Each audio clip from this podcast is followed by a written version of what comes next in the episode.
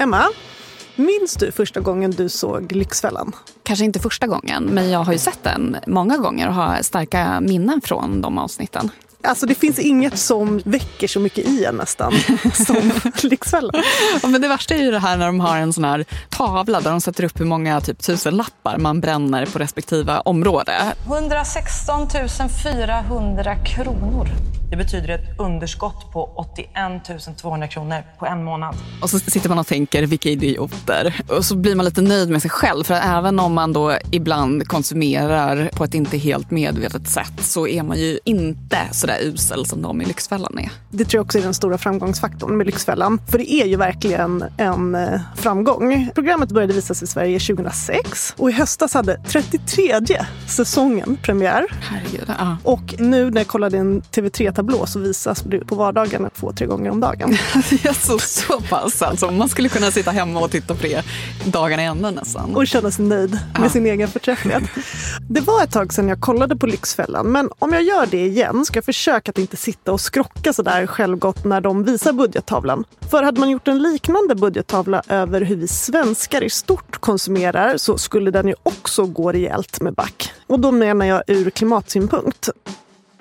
Du lyssnar på A-kursen med mig, Emma Frans. och med mig, Clara Wallin. Och A-kursen är ju en podd som ger dig grundläggande kunskaper i aktuella ämnen. Och just nu kör vi lite nystarts nyårstema. Och väldigt många tänker sig att de detta år ska börja konsumera lite hållbarare. Ja, det var ju ett av mina nyårslöften i alla fall. Och Det är någonting som jag ständigt återkommer till i mina nyårslöften. Och jag tycker faktiskt jag har blivit lite bättre. Men sen så eh, dök jag ju upp här årets första inspelningsdag med en kasse där jag hade shoppat lite grejer.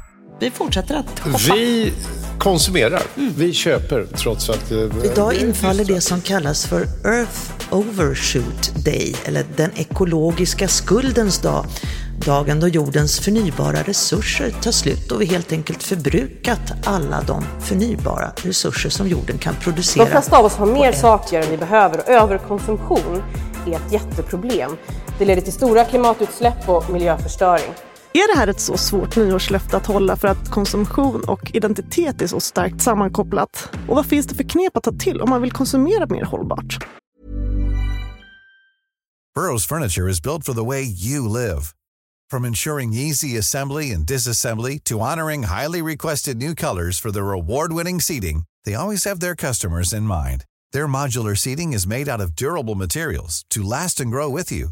And with Burrow, you always get fast, free shipping. Get up to 60% off during Burrow's Memorial Day sale at burrow.com slash ACAST. That's burrow.com slash ACAST. burrow.com slash ACAST. In the market for investment-worthy bags, watches, and fine jewelry, Rebag is the answer.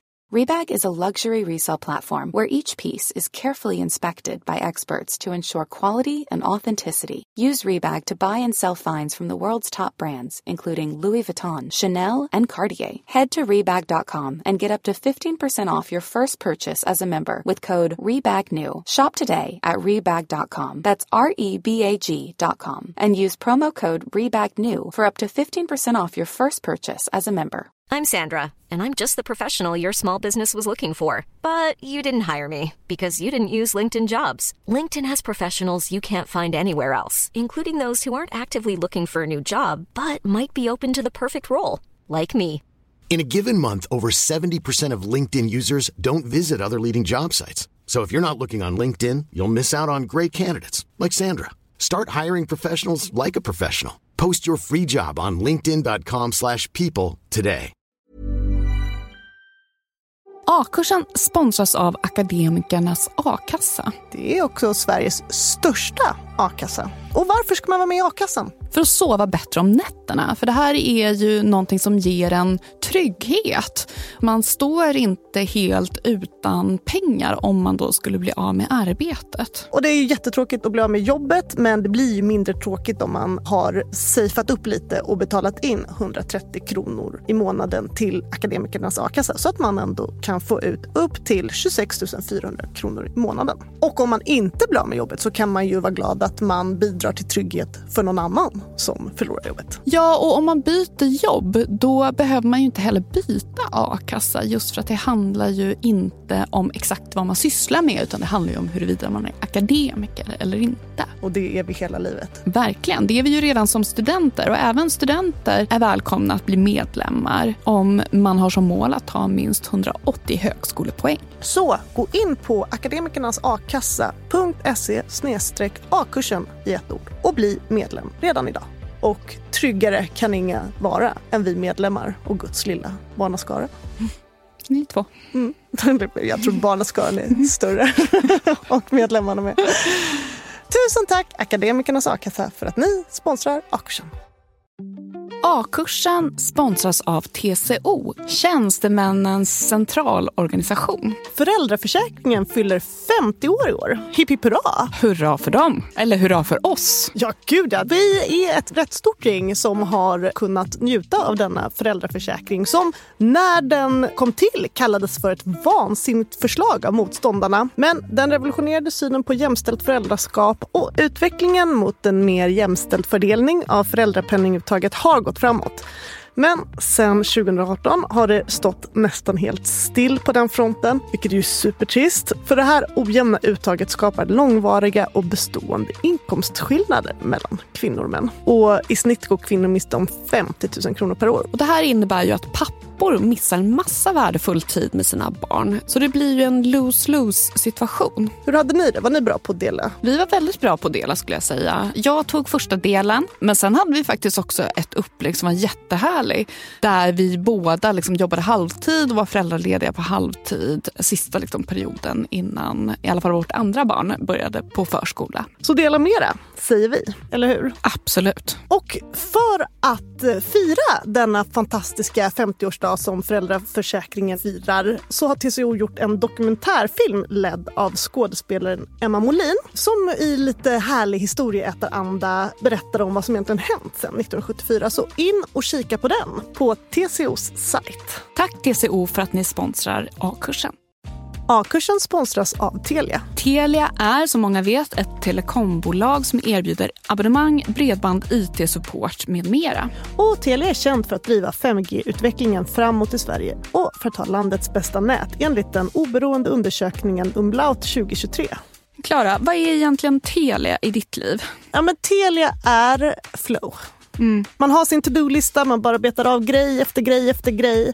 Allt går lätt och jobbet blir gjort. Liksom. Det är inte så där att man blir ständigt avbruten av nätet som inte funkar som det ska eller jobbiga människor som ringer eller liksom att man inte kommer åt sin mailkorg. Det är inte Telia. Nej, visst. För Telia hjälper ju oss företagare att göra vårt arbetsliv enklare.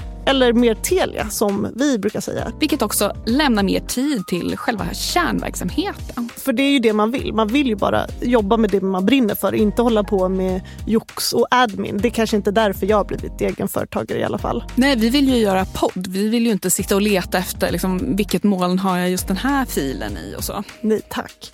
Läs mer om fördelarna med att samla IT, bredband och mobilt hos en leverantör på telia.se företag. Tack Telia för att ni sponsrar A-kursen. Och till vår hjälp idag har vi Katarina Graffman som är doktor i kulturantropologi. Vad menas med konsumtion? Ja, konsumtion är ju ett ganska gammalt ord faktiskt. Eh, och jag tycker det är lite spännande. Vi ska kunna ta latinska härledningen. Och redan på 1300-talet hittar man ordet konsumera som betyder förbruka, förgöra. Och sen finns en annan också som heter konsumare som betyder fullborda. Så ordet i sig har två olika betydelser, vilket är ganska spännande. För konsumtion handlar ju både om att förbruka och skapa.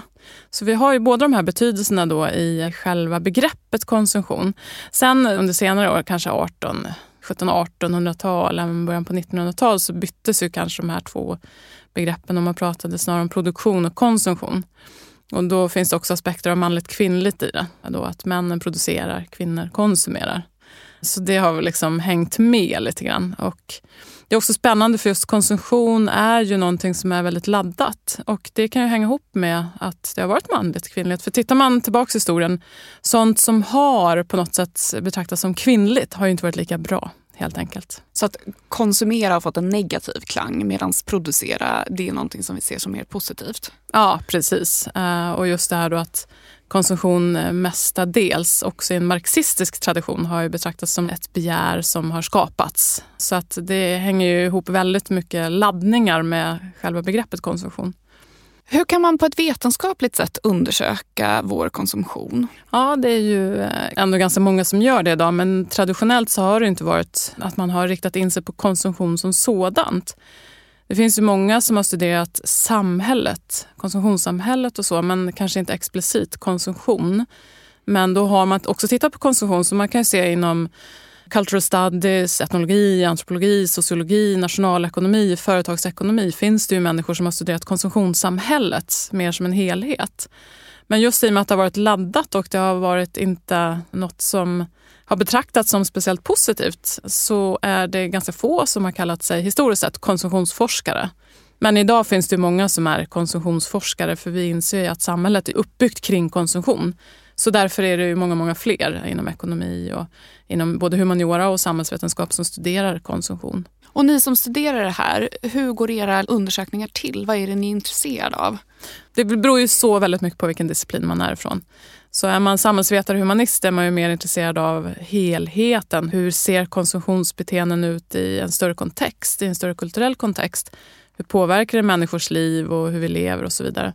Är man en företagsekonom, nationalekonom så kanske man tittar ur ett större perspektiv. Företagsekonomer kan ju väldigt mycket hålla på med typer av eh, prognoser. Hur mycket säljs under vissa perioder och sammanställa mycket eh, data kring vad som säljs och vad som köps och så vidare.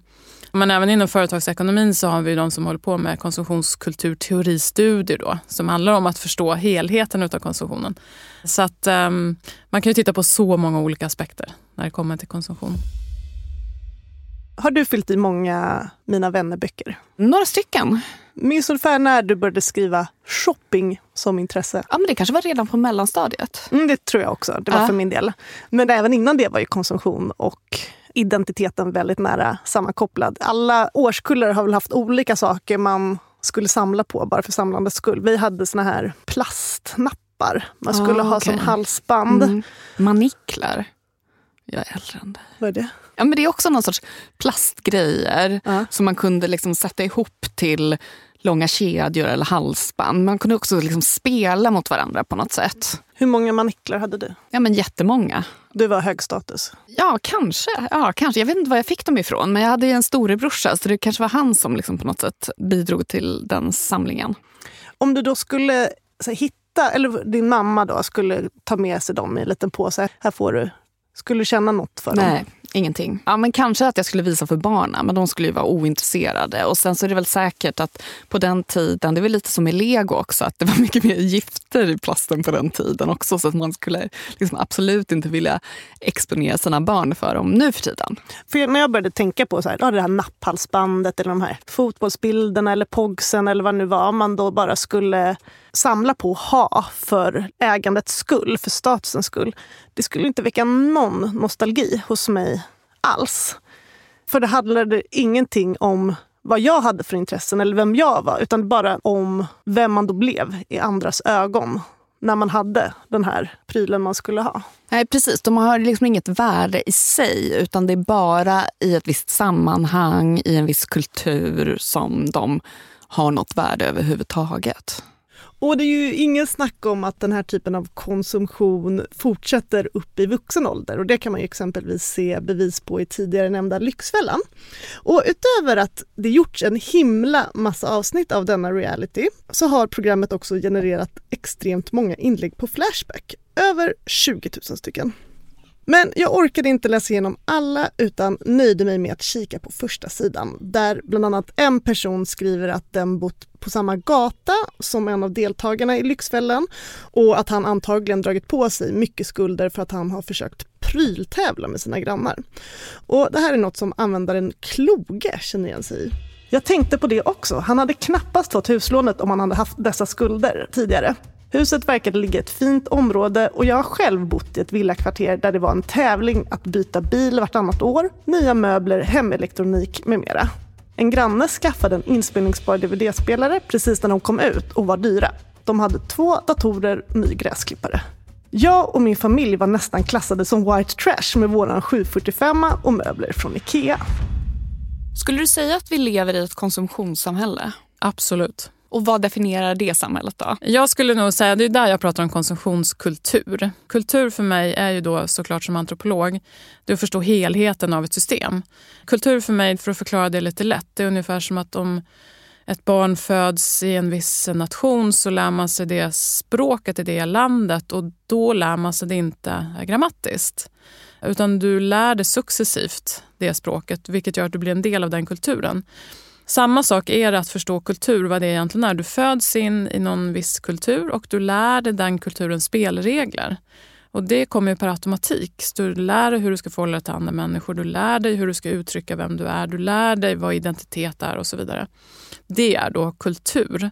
Och konsumtionskultur säger vi just för att konsumtion har blivit så otroligt avgörande i vårt samhälle för hur vi blir som människor, vad vi har för typ av relationer.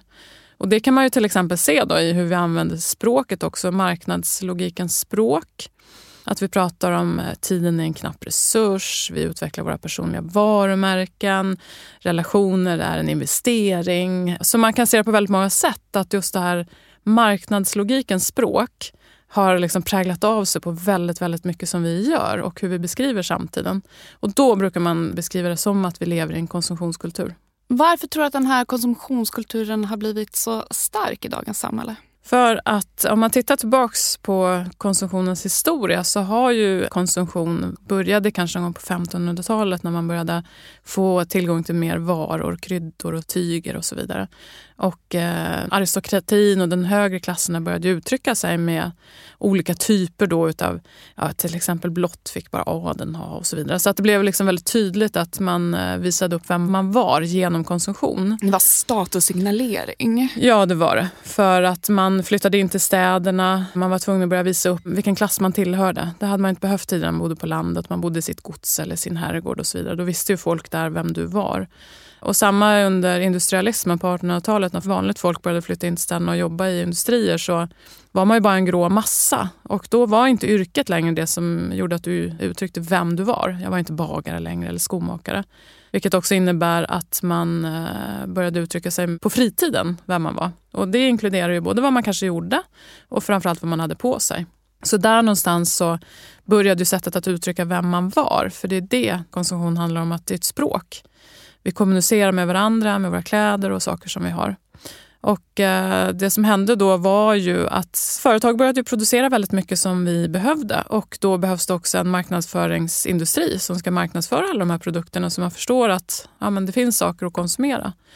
Så man kan säga att masskonsumtionssamhället exploderade efter andra världskriget. Då var det liksom en explosion av produkter och marknadsföring som hela tiden talade om för oss vad vi skulle köpa för att vi skulle bli lite bättre människor, för att vi skulle verka lite mer lyckade. Och möjligen så behöver du det här schampot för att få lite snyggare hår, även fast ditt hår är snyggt. Så, så att det liksom har ju bara ökat då med åren. Så att det är ju det som har hänt.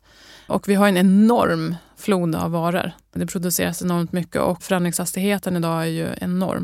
Med tanke på teknikutveckling och så vidare. Det här att man ska ha en ny mobiltelefon varje år och så. Det är ju egentligen helt sjukt beteende men där har ju verkligen marknaden lyckats få oss att tro att det är så att man måste ha nästa version utav mobiltelefonen. Så de här krafterna hänger ihop och har ju lett oss till dit vi är idag.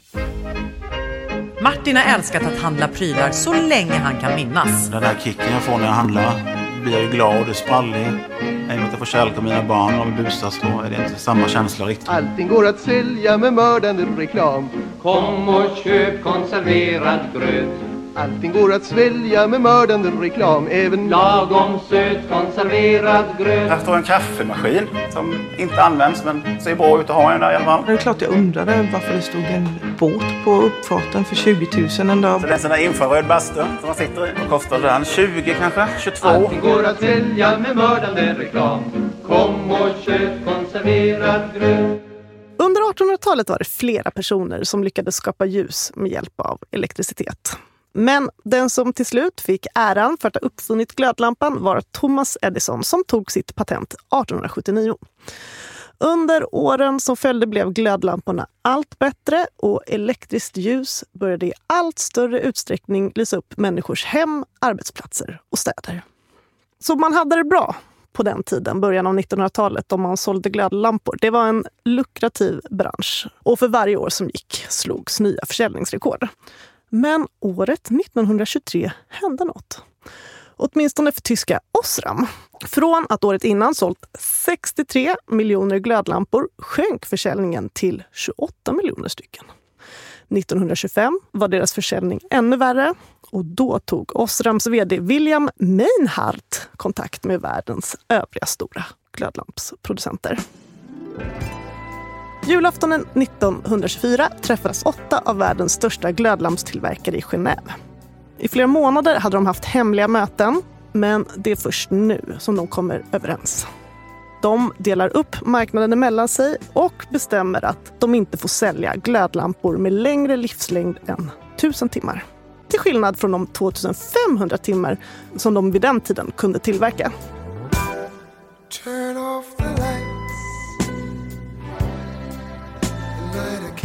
Varför gör de det här?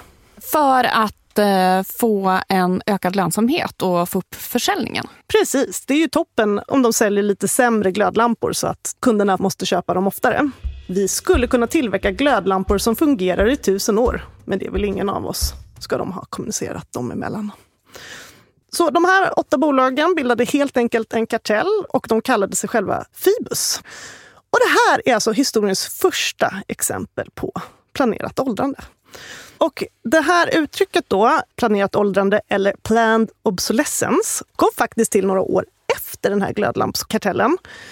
1932 skrev fastighetsmäklaren Bernard London en pamflett med namnet Ending the Depression through Planned Obsolescence.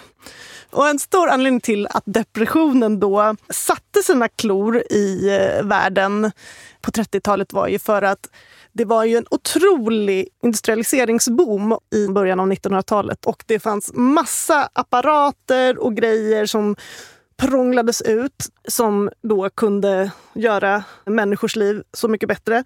Problemet var ju att när man har köpt ett kylskåp så behöver man inte köpa ett till. Nej, det blir ett mättat system på något sätt. Ja, precis. Så de har de här fabrikerna, men det finns ingen marknad. Och Bernhards förslag var att alla produkter skulle förses med ett bäst före-datum. Och att alla konsumenter då var skyldiga att lämna tillbaka eller skrota produkten före det här datumet. Så det var liksom hans medicin mot depressionen. Vad tycker du om planerat åldrande, Emma? Ja, men jag tycker att det är fruktansvärt. Första gången jag hörde talas om det så trodde jag inte att det var på riktigt. Jag trodde nästan att det var en myt, för det låter så sjukt. Men sen har jag förstått att det finns ju. Även om man kanske på olika sätt försöker nu för tiden reglera det och motverka det. Första gången jag hörde talas om planerat åldrande var när jag såg SVT Dokument utifrån, Glödlampskonspirationen. En spansk dokumentär från 2010 och den visades då på SVT 2012. Så jag antar att det var då jag såg den. Och då handlar det mycket såklart då om den här kartellen. Och lite som du säger, det här konspirationsgrejen, när man då skulle berätta vad jag sett då på en väldigt legitim kanal som SVT så tittade folk på mig som om jag pratade om chemtrails. Eller den här som man ser på Youtube som ska bevisa då att månlandningen aldrig har ägt rum. Eller som en flat earther. Alltså bara, men det kan du väl inte tro? Ingen är väl så ond så att de ser till så att de egna produkterna ska paja. Och det var någon vänlig själ som hade lagt upp den här dokumentären på Youtube. Många av de prylar vi köper är konstruerade att bara hålla en viss tid, sen slutar de fungera. Vi tvingas köpa nytt samtidigt som miljön förgiftas av obrukbara attiraljer. Och utöver den här kartellen så handlar det om strumpbyxor som ingenjörerna som jobbade med dem, de gjorde dem så otroligt hållbara så att man kunde se bilder på när de använde strumpbyxor som boxerlina. Gud vad arg jag blir nu. alltså, jag blir så arg. Och sen var de ju för bra, mm. så då skulle designen vara att de skulle gå sönder snabbt. Alltså jag har ju strumpbyxor som går sönder första gången man sätter på sig dem. Ja, man tittar på dem och så går en maska. Äh. Och sen handlar det också om en grupptalan mot Apple 2003. För att när de sålde sin iPod så designade de så att man inte kunde byta batteri och så pajade det efter 18 månader. Något man kan konstatera det är ju att det finns verkligen starka krafter som inte vill att vi ska konsumera på ett hållbart sätt. Borde inte vi prata jättemycket om det? Mm. Istället pratar vi om att man ska liksom skamma människor som shoppar för mycket. Eller, ja. Nej, men jag tycker häpnadsväckande hur lite vi pratar om det. Och jag sökte på planerat åldrande i Svenska Dagbladets arkiv. Hur många träffar tror du jag fick? Hundra. Tre. Ja, stört. Första gången, 2014, är det en reklamannons för en stereobutik som marknadsför en genomskinlig högtalare där alla delar är utbytbara, som är skapad som en motreaktion för planerat åldrande med hållbarhet i åtanke. Senast det var med i Svenska Dagbladet var 2022. Det var i tv-tablån. Prylberget för UR. Som vår expert Katarina Graffman har varit med i. Den enda artikeln som då Svenska Dagbladet har skrivit om det är från 17 januari 2018. Expert. Prylarna planeras att gå sönder i förtid. Mobiltelefonen blir långsam, tvättmaskiner havererar, bilen stannar och du får köpa en ny. Det är det företag planerar för, enligt professor Mattias Lindahl. Alla vet om det, men ingen vill prata om det. Ja, det är helt sjukt att vi inte pratar mer om det. Burrow is a furniture company known for timeless design and thoughtful construction and free shipping, and that extends to their outdoor collection. Their outdoor furniture is built to withstand the elements, featuring rust-proof stainless steel hardware, weather-ready teak, and quick-dry foam cushions. For Memorial Day, get 15% off your Burrow purchase at burrow.com slash ACAST and up to 25% off outdoor. That's up to 25% off outdoor furniture at burrow.com slash ACAST. Hiring for your small business? If you're not looking for professionals on LinkedIn, you're looking in the wrong place. That's like looking for your car keys in a fish tank. LinkedIn helps you hire professionals you can't find anywhere else, even those who aren't actively searching for a new job but might be open to the perfect role. In a given month, over 70% of LinkedIn users don't even visit other leading job sites. So start looking in the right place. With LinkedIn, you can hire professionals like a professional. Post your free job on linkedin.com slash people today. Hey, Dave. Yeah, Randy. Since we founded Bombus, we've always said our socks, underwear, and T-shirts are super soft. Any new ideas? Maybe sublimely soft. Or disgustingly cozy. Wait, what? I got it. Bombus. Absurdly comfortable essentials for yourself and for those facing homelessness. Because one purchased equals one donated. Wow, did we just write an ad? Yes. Bombas. Big comfort for everyone. Go to bombas.com slash ACAST and use code ACAST for 20% off your first purchase. Finns det ett motsatsförhållande mellan att konsumera så som vi gör idag och att leva på ett sätt som är hållbart för vår planet? Ja, det gör det. Absolut. Men det är också svårt att dra en gräns. För konsumtion innebär ju också att många människor har arbeten och man kan producera. Så det handlar ju väldigt mycket om att vi måste få en annan typ av konsumtion. Snarare än att det är klart att vi måste dra ner. Vi köper enormt mycket som vi troligtvis inte behöver. Så att det handlar ju delvis om att dra ner den här masskonsumtionen men framförallt handlar det om att kanske handla en annan typ av varor och få ett annat system som också underlättar att vi kan vara mer hållbara. Så att jag tror att det är farligt att liksom gå ut med pekpinnen och in och peta i människors konsumtionsmönster. För det är också väldigt laddat, för vi älskar att konsumera. De flesta människor älskar det. Det är en kick, det är liksom en wow-känsla och man har varit deppig, man går ut och köper någonting. Och, alltså, samhället är så uppbyggt kring att vi ska konsumera och må bra av det.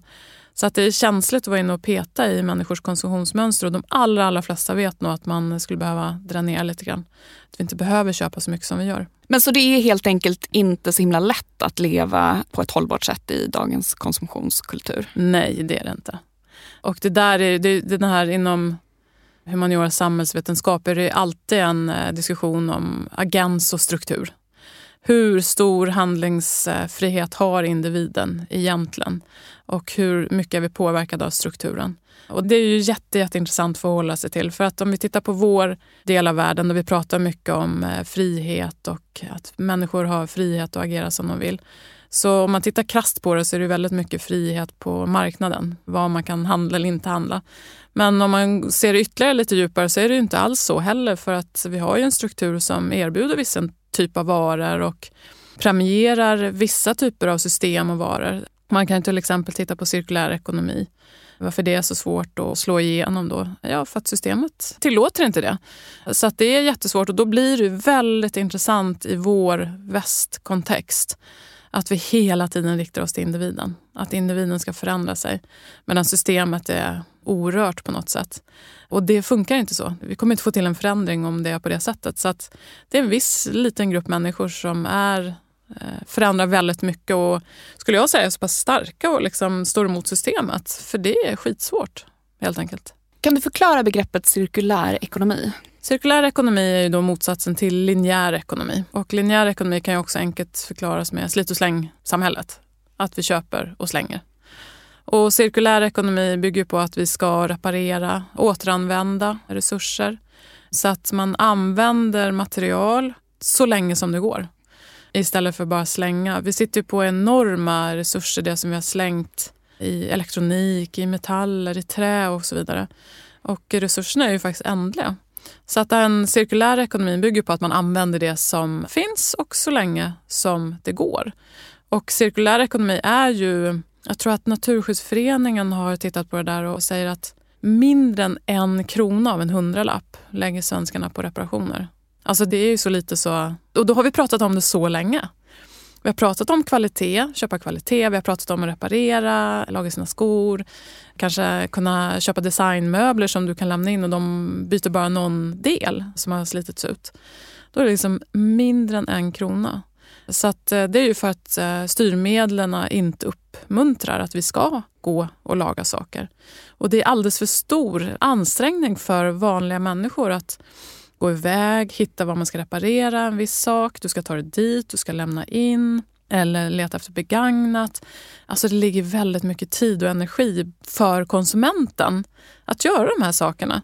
Så det är också lite därför som det är så långsamt för att systemet runt omkring inte stöder den här typen av förändring. Det kom ju nyligen en rapport som uppskattade hur mycket kläder som det är rimligt att köpa varje år för att ha en hållbar klädkonsumtion.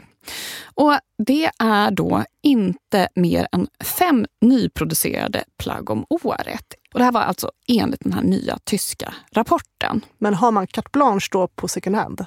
Man får köpa mer om man handlar second hand. Man kanske inte ska köpa tusen second hand-plagg. Vet du vad jag gjorde på nyårsafton när min dotter var magsjuk och vi bara fick sitta hemma. Jag beställde 13 kjolar. på Sellpy eller? Ja, Aha. 30 kronors kjolar. Ah, okay. Till dig själv eller till döttrarna? Det var tanken till mig själv men alla passade inte så vissa fick. Ja men då kan du dela det på antalet personer som ni är. Men det är okej okay, eller? Ja, men det är bättre i alla fall. Jag vet inte exakt hur många plagg man får köpa om det är second hand, men i alla fall fler då än fem. Men hur många plagg tror du då att den genomsnittliga svensken köper per år? Fem i månaden. Ja, men det är ganska nära. Myrorna har gjort en undersökning där de har kommit fram till då 50 plagg per år. För modeindustrin står ju för uppemot 10 procent av de globala utsläppen och den här produktionen av kläder som sker i världen den bara ökar. Och bara mellan år 2000 och 2015 så fördubblades världens textilproduktion. Man baxnar. Ja, men man blir inte förvånad, eller hur? Nej, gud nej, med fast fashion Exakt. och allt. Mm. Men enligt den nya rapporten då så bör en hållbar garderob i ett land med då fyra årstid, för man måste ju ändå liksom växla lite. Man kan inte gå i samma kläder på sommaren som man går i nu på vintern när det är 15-20 minusgrader. Men i då ett land med fyra årstider så bör en hållbar garderob bestå av omkring 85 plagg. Och de här beräkningarna bygger alltså på nyproducerade kläder. Så ytterkläder och skor är inkluderade i de här 85 plaggen men däremot inte underkläder. Så det får man köpa oftare. Det får man byta ut. Och när det gäller då nya inköp, så fem nyproducerade plagg per år för att de här utsläppen ska ligga i linje med Parisavtalet. Men det tycker inte jag borde vara så svårt fem plagg. Det kan vi väl fixa, Emma? Ja, nej men vi mm. försöker. Eh, jag har ju liksom redan inne och naggar på de där. Jag har tre plagg kvar nu då, som jag får köpa i år. Mm. det var inga trosor du kom med nu nej, Faktiskt inte. Hur många plagg har du i din garderob, Klara? Jag började räkna. Jaså? Bra, det är ja. en bra ambition. Ja, men det kändes som en lite för stor ansträngning att räkna alla. Men ska jag gissa tusen? Ja, Så ganska långt från 85 plagg. Mm. Du då? Ingen aning. Ingen aning. Eh, och jag är faktiskt inte ensam, utan folk generellt har dålig koll. Och det svenska forskningsinstitutet RISE har genomfört ett projekt som man kallar Favoritgarderoben i samarbete med klädmärkena Filippa K, Houdini och Asket, eller Asket. Jag kände inte till det sen tidigare. Och de har undersökt just det här, hur bra koll vi har på antalet kläder i vår garderob. Och de visar ju då att det här är vi ganska dåliga på att uppskatta och generellt så har vi en tendens att underskatta antalet kläder. Så de menar ju då att för att man ska konsumera hållbart och ha en hållbar garderob så kräver det att man har faktiskt koll på hur många plagg man har. Så att de rekommenderar just att man ska göra en sorts inventering där man faktiskt räknar hur många plagg man har. Och De menar ju då att det viktigaste när man köper nya plagg, det är inte antalet, utan att det man köper verkligen håller länge och att det blir mycket använt. Och där så har de kunnat se då att kriterier som är viktiga för just den här höga nyttjandegraden, det är att de här plaggen är funktionella, att de har en bra passform och kvalitet som gör att man kan ha de här under längre tid.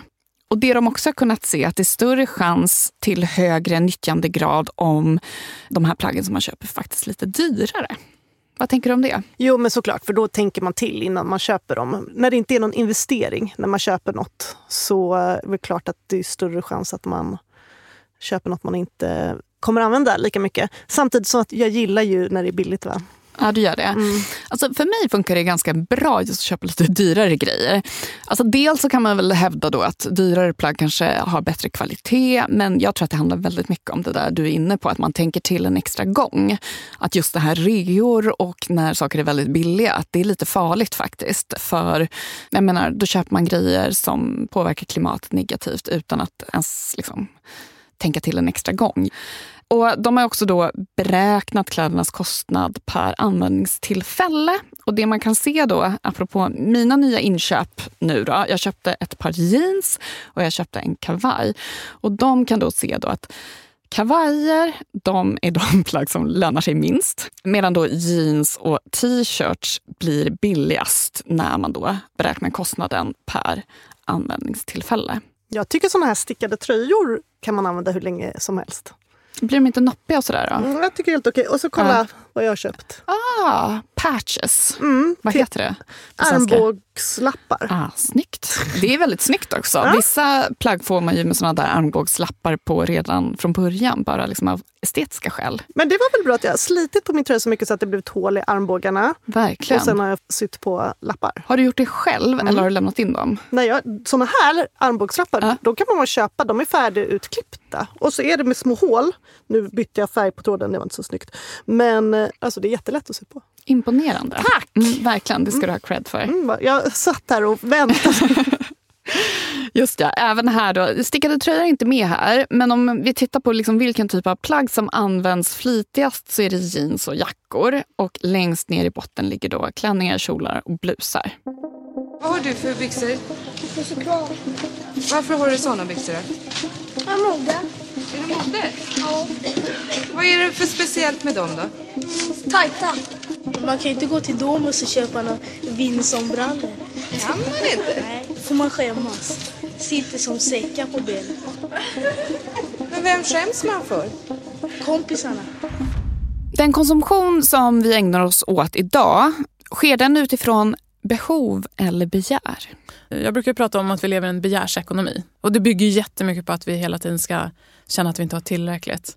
Att det materiella välståndet det är liksom det som definierar lycka på något sätt. Men man kan göra det lite mer komplicerat för att det är ganska lätt att säga behov och begär. Men vad är då, om vi till exempel tittar på mat och kläder, det har vi behov av. Vi har behov av att äta till exempel. Men eh, som antropologen Mary Douglas säger så vi äter inte näringsämnen, vi äter mat. Och Det är viktigt att göra den distinktionen för att du har ett behov av att äta. Men mat som sådant är ett extremt laddat kulturellt område där vi verkligen uttrycker vilka vi är med vilken typ av mat vi äter.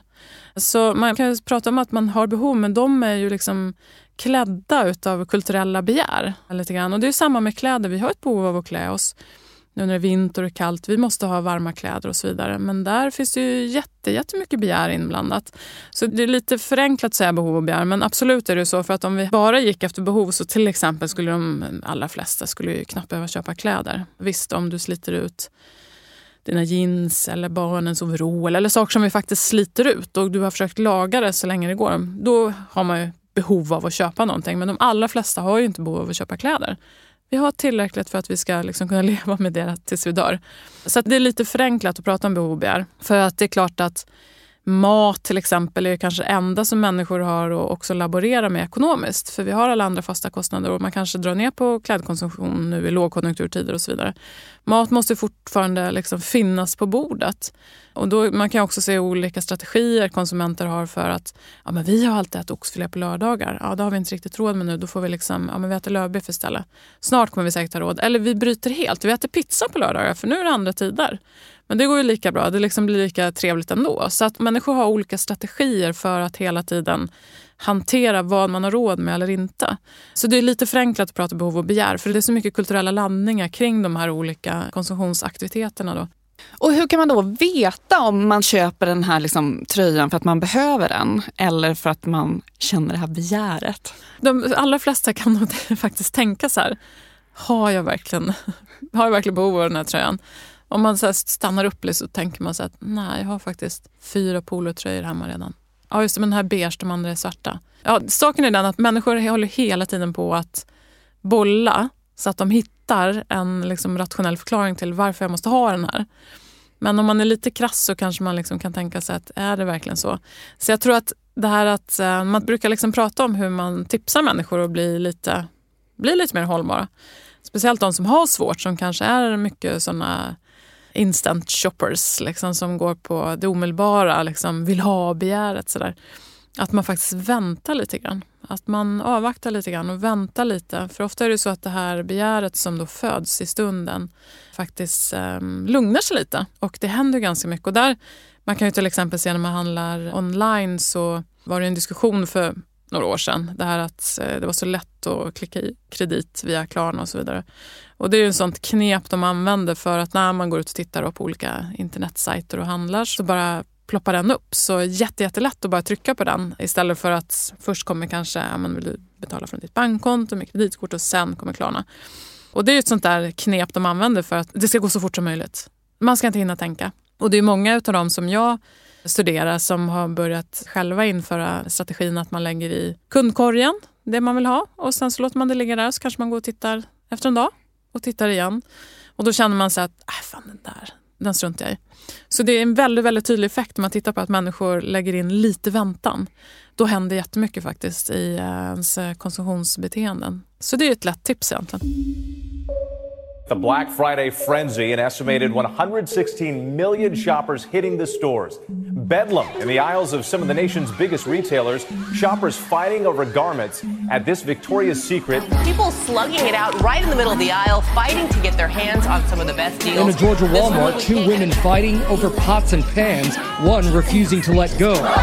Using what looks like a stun gun on another bargain hunter. Commotion veering out of control at an Alabama mall. Shoppers scrambling for safety as gunfire rings out. Hur ofta kikar du in på blackfridaydeathcount.com? det har nog aldrig hänt. Det är alltså en webbsida som börjat logga dödsfall och skador på Black Friday. De började 2006 och sidan har inte uppdaterats sedan 2021. Men den är i alla fall uppe i 17 dödsfall 125 skador. Men vad innebär det? Att man då har varit ute på stan och så har man bråkat över en vara som är då nedsatt och så skadar man sig, eller? 2018. Glance at attractive woman sparked Memphis mall shooting. Aha. En skadad. Shopper opens fire killing one over Walmart parking spot. Och det här blir då, alltså jag tänker mig att sådana här saker kan hända lite när som helst. Men ser man då en, en liksom topp vid Black Friday? Jag vet inte hur det ser ut statistiskt, men det verkar som om det varje år i USA rapporteras om kaosartade Black Fridays i alla fall. Och Black Friday, det inträffar ju alltså den fjärde fredagen i november. Det ska vara liksom en månad innan jul. Ja, alltså det är någonting att det ska vara dagen efter Thanksgiving och det är liksom startskottet för julhandeln. Och det sägs att själva namnet Black Friday kommer från att handeln går back från januari till november, alltså uppvisar röda siffror i sin bokföring. Men Black Friday, alltså när julhandeln drar igång, så eh, börjar de visa svarta siffror. Och i Sverige så började det uppmärksammas 2013. Och 2005 började det också pratas om Cyber Monday. Just ja. Då ska man shoppa på nätet eller? Precis, då kanske man har varit och ute i butiken och kanske inte hittat det man skulle när man höll på och knuffades där bland alla andra konsumenter. Så då när man var hemma eller på jobbet så på måndagen så fick man klicka hem det man behövde. Men det kanske ändå är fräschare att fira Buy Nothing Day. Det är ju samma dag. Aha. Det är som en motreaktion Just på det. Black Friday. Det ju, säger sig självt att man ska avstå från att köpa något i 24 timmar. Det känns ju inte så svårt. Men om man vill fira det på riktigt, då ska man ju göra något event av det. Vad vill du helst göra av det här? En fest där man klipper kreditkort. Vara med i en lång kö av människor som går runt i affärer med tomma kundvagnar och bara i vägen. Eller gå genom köpcentrum utklädd till zombie. Jag väljer nog zombie-alternativet. Ja. Ja, det tilltalar mig. Gå till en själlös galleria någonstans utklädd till zombie. Gränby centrum. Mm. Annars tycker jag att det är toppen. Alltså Black Friday för mig, jag är alltid ute i sista sekund med att köpa julklappar. Så därför tycker jag ändå Black Friday är väldigt bra för mig. För då kommer du ihåg att... Ja, men då kommer jag ändå ihåg. Då kanske jag, alltså helst, min dröm det är ju att där ska jag köpa alla julklappar till barnen. Mm. Visst får man väl ändå köpa julklappar till sina barn? Du får ingen guldstjärna, Nej. men du hamnar väl inte i helvetet? Du har precis tagit A-kursen i hållbar konsumtion med mig, Clara Wallin. Och med mig, Emma Frans. Och missa för allt i världen inte överkursen som kommer på torsdag. Det vill säga hela din intervju, Emma, med Katarina Graffman. Och ta gärna vår tenta. Du hittar den i händelserna på Instagram, A-kursen understreck podd. Den kommer ut någon gång under dagen som det här avsnittet publiceras. Missar du det så finns tentan sparad i höjdpunkter med förifyllda svar. Så det blir väldigt lätt då. Ja. Nästa vecka handlar det om beroende. Ja, vi fortsätter ju med vårt nystartstema även nästa vecka och lär oss allt om varför vi blir beroende av droger, alkohol men också spel och hur man behandlar den här typen av beroenden. Och räknas ändlöst scrollande egentligen som ett beroende? Eller är det bara sånt vi säger? En dålig vana. Och det här avsnittet har spelats in på Beppo.